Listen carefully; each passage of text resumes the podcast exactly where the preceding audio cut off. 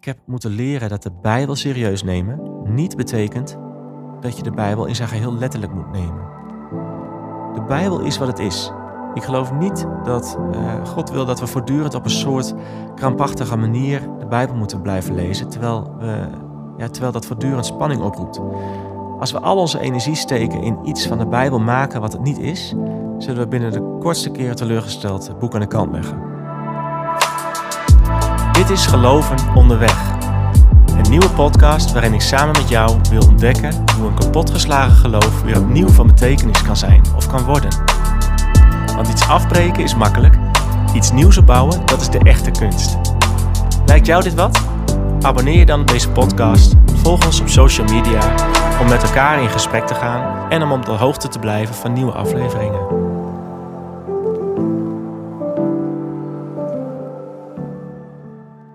Hoi, leuk dat je weer luistert naar alweer de derde aflevering in deze podcastserie. Geloven onderweg. Uh, vandaag gaan we ons vastbijten in de vraag over de Bijbel. Tenminste, die ik had. Die veel mensen hebben. Want in de vorige aflevering noemde ik drie obstakels die uh, mensen hebben die uh, ze van weerhoudt om christen te blijven. Nou, de eerste daarvan was moeite met de Bijbel. De tweede was moeite met uh, bepaalde godservaringen, of juist het ontbreken daarvan. Hè, waar, is waar is God? En de derde is moeite met de kerk of andere christenen en de teleurstelling daarin. Nou, vandaag dus uh, de Bijbel. Daar valt zoveel over te zeggen, dus uh, laten we maar snel beginnen. Ik heb zelf een periode gehad dat ik veel in de Bijbel las, omdat um, ik dacht dat een goed christen dat hoort te doen. In de tijd op de Bijbelschool heb ik, ehm, was de opdracht om de Bijbel in één jaar tijd helemaal door te lezen. Nou, in het jaar heb ik ook dingen gelezen die ik nog nooit eerder gelezen had. Uh, dan lees je Bijbelgedeelten die niet zo vaak voorkomen in preken of ronduit genegeerd worden. Uh, sommige geweldteksten uit het Oude Testament bijvoorbeeld. Kom je erachter dat er echt genocide in voorkomt, bijvoorbeeld. Als Israëlieten het land Canaan binnentrekken. Um, en die moeite, dat werd alleen maar versterkt omdat de christenen zag met een behoefte om God vrij te pleiten. Of om hem te verdedigen als het gaat om dat geweld. Dan zeiden ze bijvoorbeeld, um, ja, dat is voorkomen terecht dat God die Israël uh, liet de opdracht gaf om de Canaanieten uit te roeien. Want ze waren een door en door slecht volk. En God had al zoveel geduld met ze gehad. Of ze zeggen, als God mensen naar de hel stuurt, kan het doden van een paar Canaanieten toch niet zo erg zijn. Of dat er simpelweg geen antwoord gegeven wordt, maar met een uh, geestelijk sausje wordt overgoten. dat, uh, dat, je, um, dat ze zeggen, God is de soevereine koning van het universum en zijn ondergrondelijke wil mag door eenvoudige stervelingen niet in twijfel getrokken worden, dus hou je mond maar. Nou, hoe vaker je deze geluiden hoort, hoe meer spanning het kan oproepen als je de Bijbel gaat lezen. Ik had het gevoel dat ik ja, mijn grip verloor over wie God was en is. Dat ik eh, begon te twijfelen of ik hem wel echt zo goed kende als ik dacht dat ik hem kende. Elke keer dat ik de Bijbel las, gaf het mij geen rust, maar juist onrust en meer vragen. Een leerling van mij zat ooit uh, in een relatie waarvan ze wist dat het niet goed zat. Toen ik haar nader vroeg, uh, deed ze alsof alles oké was. Het probleem recht in de ogen kijken is namelijk riskant. Zij begon voor zichzelf allemaal overtuigingen op te bouwen waarom uh, haar vriend toch echt wel een liefetje was en het goed bedoelde allemaal. Maar een paar jaar later sprak ik haar weer en toen was de relatie stuk gelopen. ze konden nooit echt over de problemen praten, zei ze. Nou, zo begon mijn relatie met de Bijbel ook een beetje aan te voelen. Ik begon me steeds ongemakkelijker te voelen als ik de Bijbel verdedigde tegenover anderen. Uh, en bij christenen begon ik een beetje passief-agressief de Bijbel te bekritiseren. Terwijl ik bij mijn niet-christelijke vrienden het gevoel had dat ik de Bijbel juist moest verdedigen. Nou, dat levert een innerlijk conflict op. En daarin ben ik vast niet de enige. Uit onderzoek is gebleken dat de twee grootste bezwaren die mensen hebben tegen de Bijbel de volgende twee zijn. Op nummer 1 staat: God lijkt in het Oude Testament een vrede en gemene God die mensen opdraagt om andere volken uit te moorden. Waarom zou ik de morele lessen van deze God nog steeds serieus moeten nemen? En het tweede bezwaar is, het wereldbeeld wat in de Bijbel geschetst wordt, botst met mijn huidige wereldbeeld, wat gebaseerd is op wetenschap, psychologie, antropologie. En ik kan die twee niet meer met elkaar rijmen. Ik wil ze alle twee ehm, even langs gaan. Eerst het eerste bezwaar. De God van het Oude Testament lijkt een vrede en gemene God. Ik ben geen expert in het Oude Testament, dus er zijn mensen die hier veel meer over kunnen zeggen dan ik dat kan. Uh, ik heb er wel veel over gelezen en ik kan je laten zien dat er andere manieren van kijken zijn. En welke um, antwoorden mij de meeste bevrediging hebben gegeven als het gaat om dit punt. Want die antwoorden zijn er echt te vinden.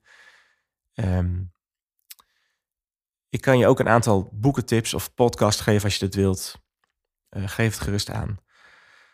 Maar het belangrijkste om te weten is dat de Bijbel voor ons vandaag de dag niet per se betekent wat het betekend heeft voor de mensen in de tijd van de schrijver. Het is een goede plek om te starten bij wat de Bijbeltekst betekent voor de schrijver en luisteraar in die tijd, maar je kunt daar niet stoppen. neem nou uh, het verhaal van Jozua, die het beloofde land moet innemen. De schrijvers van de Bijbel vertellen ons dat God zei dat ze iedereen moesten uitmoorden. Mannen, vrouwen, kinderen en zelfs de dieren die ze onderweg tegenkwamen. Nou, kortom, genocide. Uh, Pieter Ens, een bijbelgeleerde van het Oude Testament die er heel veel verstand van heeft. Uh, die heeft hier een boek over geschreven wat ik je echt kan aanbevelen. Het boek heet Omdat de Bijbel het zegt. En hij schrijft daarin uh, dat deze stem van God werd verstaan door mensen die leefden in een stammencultuur van krijgers die zoveel duizenden jaren geleden leefden. Uh, dat wil niet zeggen dat het ook daadwerkelijk God was die hun deze opdracht gaf. Ze dachten dat God dit van hen vroeg, omdat het de normaalste zaak van de wereld was in die tijd. Stammen uh, veroverden elkaar. En ze dachten dat God of de goden hun die overwinning bezorgden. En de schrijvers van de Bijbel hadden een vermogen om God te begrijpen in die tijd, maar niet voor alle tijden. We moeten ze daarvoor respecteren, want we kunnen er iets van leren, in plaats van dat we de gruwelijke details weglaten of te gemakkelijke verklaringen geven voor het geweld in de Bijbel, zoals ik eerder noemde. Deze mensen die waren oprecht op zoek naar God en dit leek in hun wereld en in hun wereldbeeld de manier waarop God zich openbaarde als een krijgsgod die voor hun streed in de veldslagen. Nou, dit is voor mij een uitleg die erg logisch klinkt en uh, waardoor de Bijbel voor mij blijft werken. Um, dat wil niet zeggen dat jij hier ook bij uit moet komen. Jij moet je eigen antwoorden zoeken. Maar dit is een manier van verklaren. Deze teksten zijn voor ons vandaag de dag uiteraard zeer gewelddadig. Maar vergeet niet dat de Bijbel zelf ook een ontwikkeling doormaakt.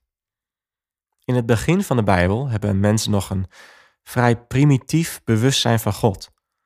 Ze dachten over God hè, als een krijger die hun de overwinning bezorgde op andere volken, maar dat bewustzijn groeide in een bepaalde richting. Het staat niet stil. In de podcastserie Dit is de Bijbel van de EO, die kan ik je trouwens ook van harte aanbevelen. Uh, in elke aflevering stellen ze een vraag over de Bijbel. En in de aflevering over de vraag: Is de Bijbel een gewelddadig boek? Daarin zegt Stefan Paas het volgende. God lijkt in de Bijbel steeds minder gewelddadig te worden, meer inclusief, minder tribaal. Langzamerhand wordt er in de Bijbel steeds meer naaste liefde geïnjecteerd. In Deuteronomium staat bijvoorbeeld opeens de opdracht: heb uw naaste lief en zorg goed voor de vreemdelingen. Vergelijk de Bijbel eens met een symfonie, waarbij één instrument steeds duidelijker te horen is en naar de voorgrond komt. Dat instrument is het instrument van de naaste liefde.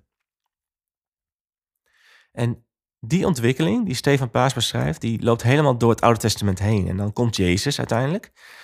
En hij was het bewustzijn van zijn tijd al ver voor. Hij gaat als het ware uh, voor ons uit. En hij gaat op een lichte manier om met de Bijbel uit zijn tijd, het Oude Testament.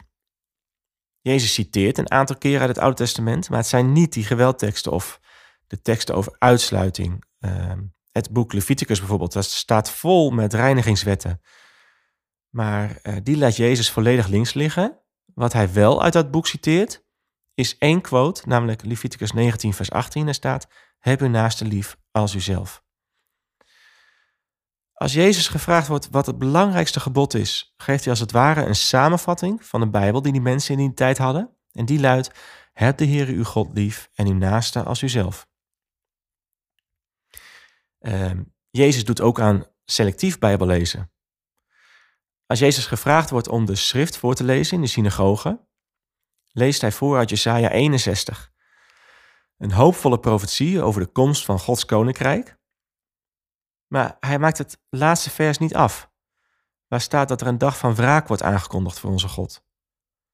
Nou, dat zouden we vandaag de dag selectief Bijbellezen noemen, of inlegkunde, of wat dan ook. Eh, toch doet Jezus dat hier.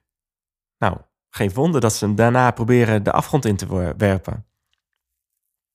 Jezus gaat op een lichte manier met eh, de Bijbel uit zijn tijd om. 60% van de verhalen van Jezus, die maken de buitenstaander tot held en wordt de insider ge. Jezus straft of veroordeelt nooit de mensen die verkeerd doen, maar hij vertelt ze om hun verantwoordelijkheid te nemen, zoals bij de vrouw die overspel had gepleegd. Ga heen en zondag niet meer. De enige zondaren die Jezus in het openbaar veroordeelt, zijn de mensen die claimen dat ze geen zondaar zijn. Jezus die, die durft de wetten zelfs aan te passen naar een bredere interpretatie, zoals hij in de bergreden doet, waar Jezus zegt, jullie hebben gehoord dat er staat geschreven, oog om oog, tand om tand. Maar ik zeg jullie, heb je vijanden lief. Daarin is duidelijk een ontwikkeling te horen. Toen ik dit allemaal las, kreeg ik de vraag: is de God van het Oude Testament wel dezelfde als Jezus? Als Jezus het zichtbare beeld van de onzichtbare God is. Ik kon die geweldteksten van het Oude Testament gewoon niet rijmen met uh, Jezus. Dat werkt gewoon niet meer voor mij. En uh, welke uitleg uh, ja, ik ook had gehoord. Een voorbeeldje, een, een verhaal uit nummerie 15. Daar lezen we. Tijdens hun verblijf in de woestijn troffen de Israëlieten eens een man aan die op de sabbat hout aan het sprokkelen was. Degenen die hem aangetroffen hadden, brachten hem voor Mozes en de Aaron en voor de hele gemeenschap. Hij werd in bewaring gesteld omdat nog niet was bepaald wat er met zo iemand moest gebeuren. De Heer zei tegen Mozes: Die man moet gedood worden. De hele gemeenschap moet hem buiten het kamp stenigen. Toen brachten ze hem met z'n allen buiten het kamp en daar doden ze hem door hem te stenigen, zoals de Heer Mozes had opgedragen. Heftig hè? Omdat die man op Sabbat aan het werk was, moest hij gestenigd worden. Maar in het Nieuwe Testament geneest Jezus een man op Sabbat, waarop de fariseeën komen klagen, want dat is volgens hem ook werken, uh, wat niet gedaan mag worden. Maar Jezus zegt doodleuk, mijn vader werkt altijd, dus ik ook. Hij, hij plukte arends, uh, koren op het veld op de Sabbat. Ehm, dat kan ik niet rijmen met dat gebod uit Numeri. Dat er een doodstraf staat op werken op de Sabbat. Het was de stem van God, zoals de mensen uit het verre verleden die stem dachten te horen en te herkennen. Het grootste gedeelte van de Bijbel bestaat uit imperfecte mensen die proberen om God te begrijpen en Hem te volgen, net als wij dat doen. Het Oude Testament is zo'n 3000 jaar geleden geschreven. Stel je voor, spoel de tijd even 3000 jaar vooruit, naar het jaar 5000. Daar heb je mensen die terugkijken op onze generatie en, en zeggen, dat is hoe zij geloofden dat God tot hen sprak. Er werd toen op zondag gepreekt in de kerk dat het goed was om slaven te houden. Of uh, later dat uh, vrouwen niet hetzelfde werk kunnen doen als mannen in de kerk. Of nog later dat homo's uitgesloten moeten worden van het avondmaal. Nou, het zou kunnen, zeggen dat ze, het zou kunnen zijn dat zij zich daar niks meer bij voor kunnen stellen. Of juist het andere tegenovergestelde. Kan ook, dat weet ik niet. Iedere generatie moet zelf Gods stem onderscheiden en definiëren. Maar iedere generatie maakt daarin ook fouten. Dus ook de mensen die de Bijbel geschreven hebben. Voor mijzelf klinkt Gods stem niet als een stem die beschuldigt en veroordeelt een stem die ons uitdaagt om lief te hebben. De stem van Jezus, vaak ten koste van ons eigen ego. Richard Rohr, die uh, Franciscaanse priester, die zegt het volgende. Als jouw geloof, jouw bewustzijn niet transformeert tot een van compassie en naaste liefde, is het eerder een onderdeel van het probleem dan dat van de oplossing. Nou, dat was iets over dat eerste bezwaar. Hè? Ehm, hoe kan de Bijbel zo gewelddadig zijn? En hoe kan God uh, daar schijnbaar de opdracht voor geven? Nou, dan even over dat tweede bezwaar. De Bijbel rijmt niet meer met mijn eigen wereldbeeld vandaag de dag. Maar daar ligt ook een vraag onder, namelijk kan ik de Bijbel nog wel vertrouwen? Nou, dat is de kernvraag, die speelde bij mij ook. Als ik, als ik mijn leven moet bouwen op de uitspraak die in een boek staan, wil ik er toch zeker van weten dat ik dat boek kan vertrouwen. Helemaal nu we net gehoord hebben dat mensen in hun context vaak een eigen interpretatie hebben van Gods woorden, van Gods stem. Ik ga je um, geen kant-en-klare antwoorden geven op deze vragen, maar ik kan je wel laten zien welke weg ik ben gegaan in deze zoektocht. En um, ik wil je laten zien hoe mijn kijk op de Bijbel is veranderd de afgelopen jaren. En daarna wil ik de vraag beantwoorden: is de Bijbel waar? Om tot slot op zoek te gaan naar een manier van Bijbellezen die wel werkt voor mij. Maar eerst uh, de vraag: wat is de Bijbel niet? De Bijbel is niet een boek dat uit de hemel is komen vallen en wat zonder fouten is. We benoemen vaak het verschil tussen de Koran en de Bijbel. Dat de moslims geloven dat de Koran compleet uit de hemel gevallen is en de Bijbel over een periode van duizenden jaren geschreven is door verschillende mensen. Toch behandelen we de Bijbel vaak wel zoals de Koran. Een uit de hemel gevallen geschenk van God, zonder fouten. Maar de schrijvers van de Bijbel hebben het soms verkeerd als het gaat om feiten. Dat komt doordat het geschreven is door mensen die 2000 of 3000 jaar geleden leefden in een bepaalde context, waarin ze dingen begrepen die we nu anders begrijpen. Bijvoorbeeld dat de aarde niet plat is, maar rond. Zij geloofden dat God ergens boven de aarde was uh, en um, dat de aarde onder een grote koepel lag, uh, waarin af en toe een schuif openging als het ging regenen. Daarom was de kleur van de lucht blauw van het water. Een beetje zoals de film uh, Truman Show, vraag ik me soms af. Um, wat is de Bijbel ook niet? Het is niet um, de waarheid die op één manier gecommuniceerd wordt. Bekijk alleen al eens de vier evangeliën. Ze, verschillen enorm van elkaar. Welke versie is de officiële waarheid? In welke volgorde hebben dingen plaatsgevonden? Uh, bovendien sprak Jezus Arameens en is het hele Nieuwe Testament in het Grieks geschreven. Dus we weten niet eens de, de letterlijke woorden die Jezus heeft uitgesproken. Als God zoveel waarde hecht aan de exacte woorden, waarom koos hij er dan niet voor om Jezus in het tijdperk van moderne communicatie geboren te laten worden? Um, bovendien kent de Bijbel niet één stijl van schrijven, maar het bestaat uit meerdere genres met elk een eigen manier van communiceren. Niet alle teksten in de Bijbel zijn even geïnspireerd. Um, dus bijvoorbeeld als Paulus de uitspraak doet uh, over Kreta, mensen van Kreta, Cretenses zijn onverbeterlijke leugenaars, gemene beesten, vatsige vreters. Dat is pas een waar woord. Staat in de Bijbel. Nou, is deze tekst door God geïnspireerd of niet? Uh, ik denk het niet. Als je deze punten op je in laat werken, en dan besef je wel dat de Bijbel een erg gevaarlijk boek is in de handen van mensen met een verborgen agenda of met verkeerde verwachtingen van de Bijbel. Je kunt de Bijbel in principe laten zeggen wat jij wil dat het zegt, of wat jij op dat moment nodig vindt. Het ene moment rechtvaardigt de Bijbel geweld en het andere moment veroordeelt de Bijbel geweld. Vind je het gek waarom mensen Bijbelteksten gebruikt hebben om slavernij in stand te houden?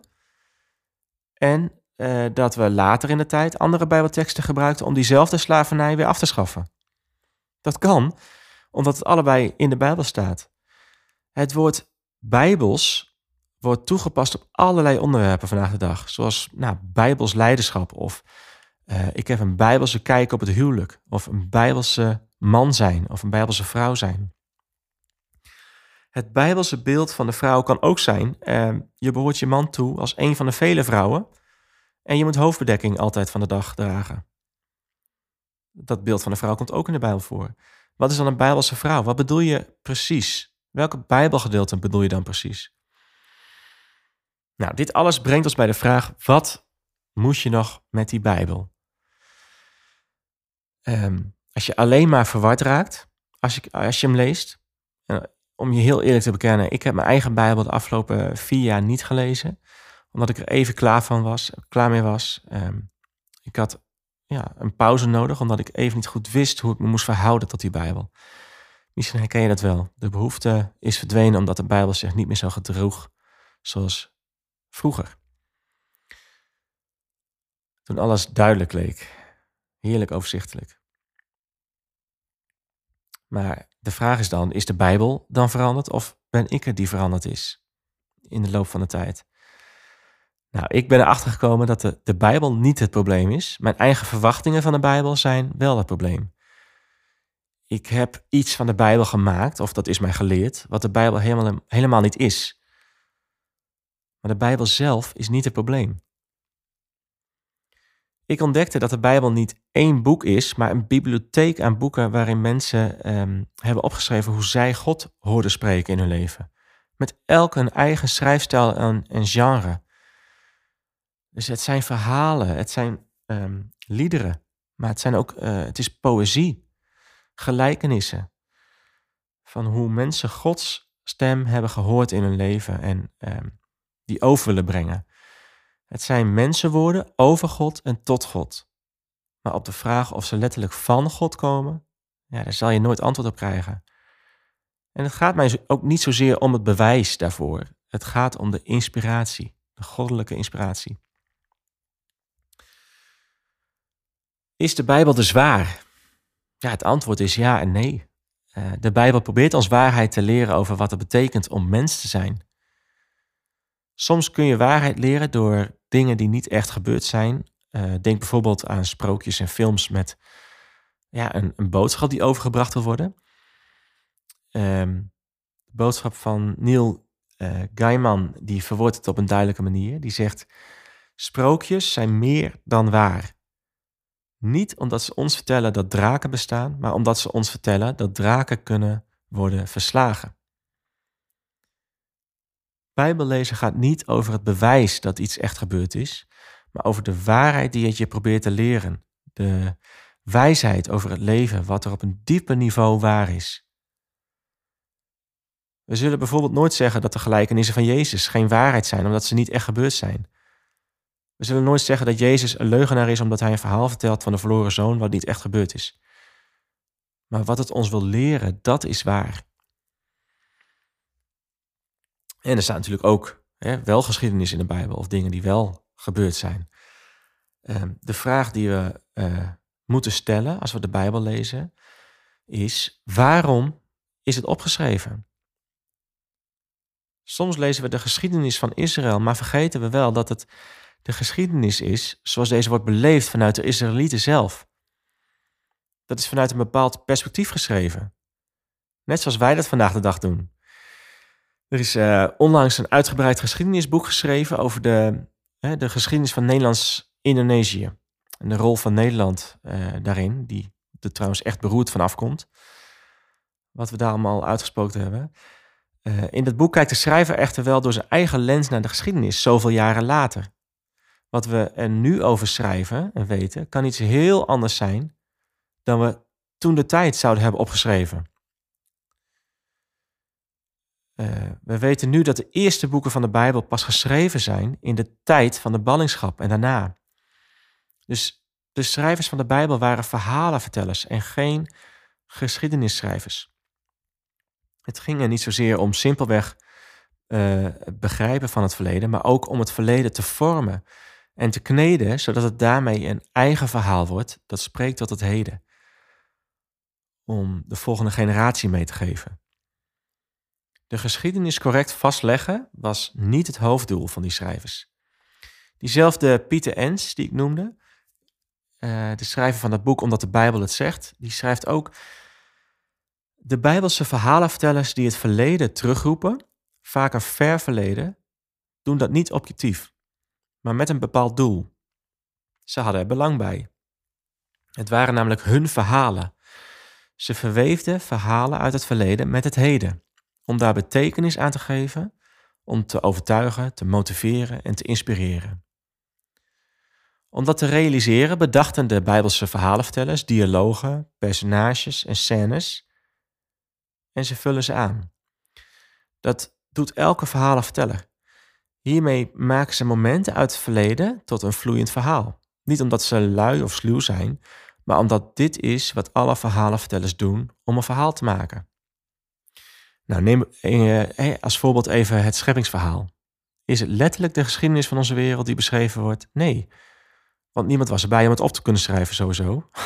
Het is een Joods gedicht met als doel om te laten zien dat God de schepper van alles wat leeft is. En daar gebruikt hij het genre poëzie voor. Het is een, een gedicht. Eh, neem het verhaal van Adam en Eva. Is het uh, verhaal bedoeld uh, als geschiedenis of is het verhaal bedoeld om mensen de les te leren over de staat van Gods volk en wat um, de oorzaak is van hoe ze uiteindelijk in ballingschap terecht zijn gekomen? Uh, wat is de oorzaak van de gebrokenheid in de wereld? En niet als een letterlijk geschiedenisverhaal.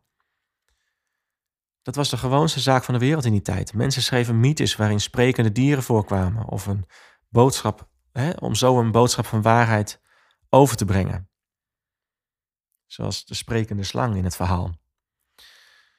Nou, zoals ik al zei, de Bijbel las ik vroeger eh, alsof het aan mij persoonlijk geschreven was. Er stonden eh, kant-en-klare informatie in wie God is en wat hij tot mij persoonlijk te zeggen had. Maar zoals Steven Paas het zegt, de Bijbel is niet alleen voor ons geschreven. Ze is ook geschreven voor de boer die in de eerste eeuw na Christus leefde. Er staan geen kant-en-klare regels uh, of voorschriften in die we in deze tijd moeten gehoorzamen. Ook al zouden we dat heel graag willen. Als je een probleem hebt, kun je de Bijbel openslaan en op zoek gaan naar teksten die hierover gaan. En dan heb je kennelijk een antwoord gevonden. Super duidelijk, maar dat is niet hoe de Bijbel werkt. Het geeft namelijk geen antwoorden over moderne vragen waar wij mee te maken krijgen. Weet jij bijvoorbeeld of God wil dat wij plastic recyclen? Het staat nergens in de Bijbel, omdat ze toen geen plastic kenden. Of weet jij hoe God wil dat we met de vluchtelingencrisis op Lesbos moeten omgaan? We hebben wel een idee, omdat we uh, in de Bijbel uh, lezen dat we voor de vreemdelingen moeten zorgen, maar uh, nergens in de Bijbel staat iets over de omvang van zo'n crisis vandaag de dag. Of weet jij hoe we moeten omgaan met een pandemie, zoals de coronacrisis? Het zegt, het staat weinig over in de Bijbel, dus um, wat moeten we daarmee? De Bijbel leidt niet per se naar antwoorden, maar wel naar wijsheid. En daarom moeten we dus wijsheid zoeken en niet de antwoorden. Elk antwoord heeft namelijk een vervolgvraag. Dus wat betekent dat voor mijn leven? En dat is de wijsheid. De Bijbel is geen regelboek. Je kunt er wel regels in vinden, zoals deze. Heb de Heer uw God lief met heel uw hart, heel ziel en heel uw verstand. Maar de vraag is, hoe doe je dat als christen in de 21ste eeuw? Dat is wijsheid. En dat kan er misschien anders uitzien dan de Israëlieten, die in die tijd de, hè, van de Bijbel leefden. En die vraag moesten beantwoorden. Voor de mensen in die tijd was Gods woord hoop voor hun dagelijkse realiteit. Wij moeten onszelf afvragen hoe Gods woord hoop kan brengen voor onze dagelijkse realiteit. En we kunnen wel wat wijsheid gebruiken vandaag de dag. Dat moet je met me eens zijn in de manier waarop we met de aarde omgaan of in de manier waarop we met elkaar omgaan als maatschappij. Dus de conclusie, is de Bijbel waar? Ja, niet altijd als het gaat om feiten of geschiedenis of getallen of cijfers. Maar in de tweede zin van het woord is de Bijbel wel waar. Als het gaat om betekenisgever. Als het gaat om de wijsheid die het ons wil leren. En hoe nu verder, vraag je misschien af. Hè? Hoe, uh, ja, wat moet je dan nog met die Bijbel? Nou, ik wil je drie tips meegeven die mij enorm hebben geholpen uh, in mijn omgang uh, met de Bijbel. De eerste tip is: stel je verwachtingen van de Bijbel bij. Ik denk dat je een keuze moet maken. Blijf je volhouden dat de hele Bijbel letterlijk Gods woorden zijn en blijf je de problemen negeren die dat oproept? Of stel je je verwachtingen bij van de Bijbel? Nou, ik heb zelf voor het laatste gekozen uh, en dat heeft me geholpen. Dat hoeft niet te betekenen dat jij dat moet doen. Maar ik heb moeten leren dat de Bijbel serieus nemen niet betekent dat je de Bijbel in zijn geheel letterlijk moet nemen. De Bijbel is wat het is. Ik geloof niet dat uh, God wil dat we voortdurend op een soort krampachtige manier de Bijbel moeten blijven lezen, terwijl, we, ja, terwijl dat voortdurend spanning oproept. Als we al onze energie steken in iets van de Bijbel maken wat het niet is, zullen we binnen de kortste keren teleurgesteld het boek aan de kant leggen. Ik heb vaak de Bijbel gelezen met de verwachtingen dat ik een goddelijke openbaring moest krijgen, dat het eenvoudig te begrijpen was en dat ik er makkelijke antwoorden kon vinden uh, voor al mijn levensvragen. Maar dat levert juist veel spanningen op als je de Bijbel met die verwachtingen gaat lezen. De Bijbel is een uitnodiging om mee te zoeken naar de sporen van God, net zoals de mensen in de Bijbel dat deden. Dat is niet gemakkelijk en het kost moeite. Het is geen vijf-stappenplan naar een geweldig geestelijk leven, maar het is een uitnodiging om op ontdekkingstocht te gaan. En dan staat je natuurlijk vrij om deze uitnodiging te laten voor wat het is, maar we kunnen de Bijbel niet omvormen naar onze eigen verwachtingen. God bepaalt zelf hoe de Bijbel eruit ziet, niet wij. De tweede tip die ik je wil geven is: stop met het verdedigen van de Bijbel. Wat nou als de Bijbel helemaal niet tegen zichzelf beschermd hoeft te worden? Wat als die Bijbel is wat het is? Een rommelig, ongemakkelijke, rare, oeroude verzameling van boeken en genres waarin mensen hun reis met God hebben opgeschreven, hun Gods ervaringen en belevingen. Wij gebruiken de Bijbel vaak om ons eigen standpunt te verdedigen. En ik heb me daar ook schuldig aan gemaakt, zowel in het verdedigen als aanvallen van de Bijbel. Bijvoorbeeld in gesprekken met mijn moeder over dit soort onderwerpen, dan gingen we allebei in de verdediging. En we haalden Bijbelteksten aan die onze standpunten uh, moesten bedienen. Uh, nou, dat was waarschijnlijk omdat we zo, allebei zoveel op elkaar lijken en graag de anderen willen overtuigen van iets waar we zelf zo enthousiast over zijn geraakt. Maar dat helpt het gesprek echt niet verder. Nu kunnen we gelukkig steeds beter met elkaar in gesprek gaan en Laatst zei mijn moeder heel wijs: uh, We hebben dezelfde vragen, maar we komen uit bij verschillende antwoorden. En dat is prima. Dus we moeten de Bijbel serieus nemen, maar tegelijkertijd ook niet onze vragen onderdrukken. We moeten leren om respect te hebben voor het specifieke genre waartoe een Bijbeltekst behoort. Soms is dat geschiedenis, soms is het poëzie of weer een lied. Soms is het een verzonnen verhaal met een geestelijke les lees de tekst dan ook zoals dat genre het bedoeld heeft. En er zijn uitleggen, er zijn uh, boeken over geschreven die je daarbij uh, bij kunnen helpen. Inleidingen op Bijbelboeken. Uh, een heel goed boek is Inspired van Rachel Held Evans, die de verschillende genres bij langs gaat. Het is een Engels boek, hopelijk wordt het nog vertaald. Um, maar deze herontdekking van de Bijbel, die maakt het boek voor mij alleen maar mooier. Je zou kunnen zeggen dat de magie eh, verdwenen is van vroeger. Maar voor mij is het een uitdaging geworden om, op, om opnieuw uh, die verwondering te vinden. Gods woord is in beweging. Het staat niet bevroren stil in de Bijbel.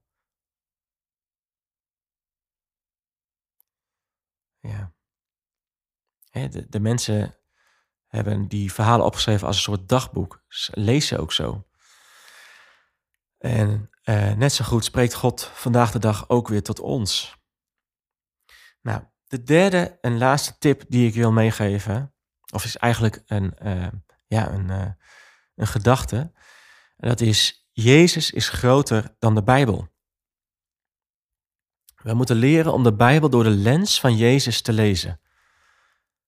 Want dat is precies hoe we het niet gedaan hebben de afgelopen eeuwen. Jezus ging op een lichte manier om met de Bijbel uit zijn tijd, het Oude Testament. Hij was niet fundamentalistisch en dat is waarschijnlijk ook de reden geweest waarom de schriftgeleerden hem wilden laten vermoorden.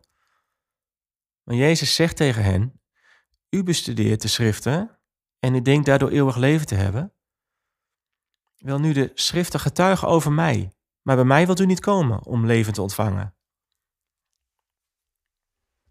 Als je de verhalen in de Bijbel leest die spanning oproepen, stel jezelf dan constant de vraag: ademt dit de geest van Jezus?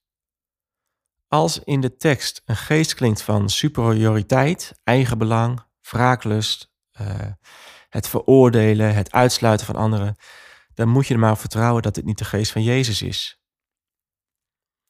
En misschien dus niet letterlijk Gods woorden. God is niet anders in het Oude Testament als in het Nieuwe Testament of vandaag de dag. Jezus heeft die ultieme intimiteit met God, zodat Hij de wijsheid heeft om de Bijbel te interpreteren. Vertrouw Jezus en je weet dat je de goede interpretatie hebt van de Bijbel. Hij leefde die waarheid uit. Hij is de waarheid in persoon, in levende lijven. Jezus staat altijd boven de Bijbel. De Bijbel noemt zichzelf trouwens ook nergens het woord van God. Het begrip woord van God komt maar één keer voor en daarmee wordt Jezus bedoeld. In het Bijbelboek Johannes. Uh, dus Jezus staat daarmee boven de Bijbel als we het hebben over het woord van God. Zijn geest ademt tot ons als we de Bijbel lezen, net zoals het deed bij mensen die de Bijbel schreven. Maar er zit ook, uh, hè, dat wordt ook vermengd met onze eigen interpretaties en ervaringen en context. Um, maar als je de geest van Jezus blijft volgen, zit je goed. De Bijbel is niet het middelpunt van ons geloof. Dat is hij nooit geweest en zal, zal hij ook nooit worden. We geloven niet in de Bijbel, we geloven in God. En Jezus is groter dan de Bijbel. Natuurlijk vertelt de Bijbel over Jezus, maar dat plaatst de Bijbel niet in het middelpunt. Pieter Ens verwoordt het zo. De, de Bijbel zegt niet, kijk naar mij. De Bijbel zegt, kijk door mij heen. Dat vind ik een mooie. Nou, ik heb een hoop proberen te vertellen in een korte tijd. Uh, ik wil je niet overtuigen om niet per se weer de Bijbel te gaan lezen of uh, nou, wat dan ook te gaan doen. Soms is het goed om juist even afstand te nemen, om dingen op een rij te zetten zoals ik gedaan heb. Maar ergens hoop ik ook dat het daar niet bij blijft. Als de tijd er rijp voor is, kun je de Bijbel misschien weer gaan zien zoals een uitnodiging uh, om mee op reis te gaan met de schrijvers uit de Bijbel die hun eigen ervaringen met God opgeschreven hebben. En ze hebben je echt meer te vertellen dan je denkt. Neem als oefening bijvoorbeeld eens een psalm hè? en probeer het te lezen zonder verwachtingen. Het hoeft geen spirituele ervaring te worden, waarin je God persoonlijk tot jou hoort spreken. Het hoeft geen theologische antwoorden te geven op vragen die je hebt. Houd de tekst als het ware open in je hand zonder oordeel of aannames. Lees het zoals het dagboek van iemand anders. Wat vertelt de tekst jou over zijn godservaringen? Roept dat herkenning op of juist niet? Bedenk hoe deze oeroude pelgrims met hun geloof omgingen en er zelf ook mee worstelden. Dat is voor ons een voorbeeld voor onze eigen reis om God beter te leren kennen en een diepere intimiteit met Hem te hebben. In ons geloof kunnen we, zoals ik al zei, de Bijbel vaak tot een wapen maken om anderen de les te lezen of om te veroordelen. Een beetje gezonde dosis twijfel zou dan alleen maar goed zijn. Alleen al om te kunnen zeggen: Ik weet het niet. Dat geluid horen we te weinig. Het zijn vaak de extreme standpunten die het nieuws halen en die met elkaar in debat gaan. Twijfel helpt om elkaar weer in het midden terug te vinden naar het centrum van ons geloof, de liefde voor God en onze naaste. De samenvatting die Jezus gaf. Uh, ik wil een lied laten horen waarin gevraagd wordt om die twijfel. Give Me Doubt van The Brilliance. En ik wens jou alvast al het goede voor jouw reis.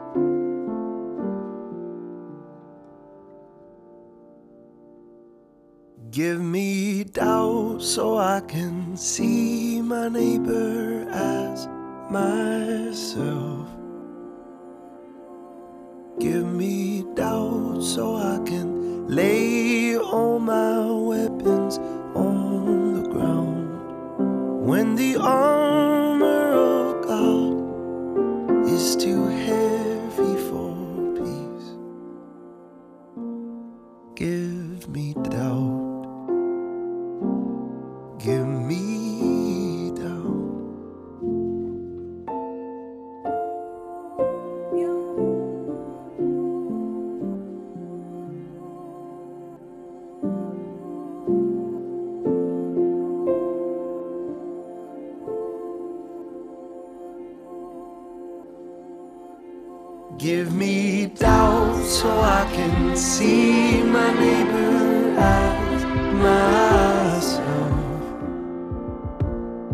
wear me down so I can lay all my weapons on the ground. When the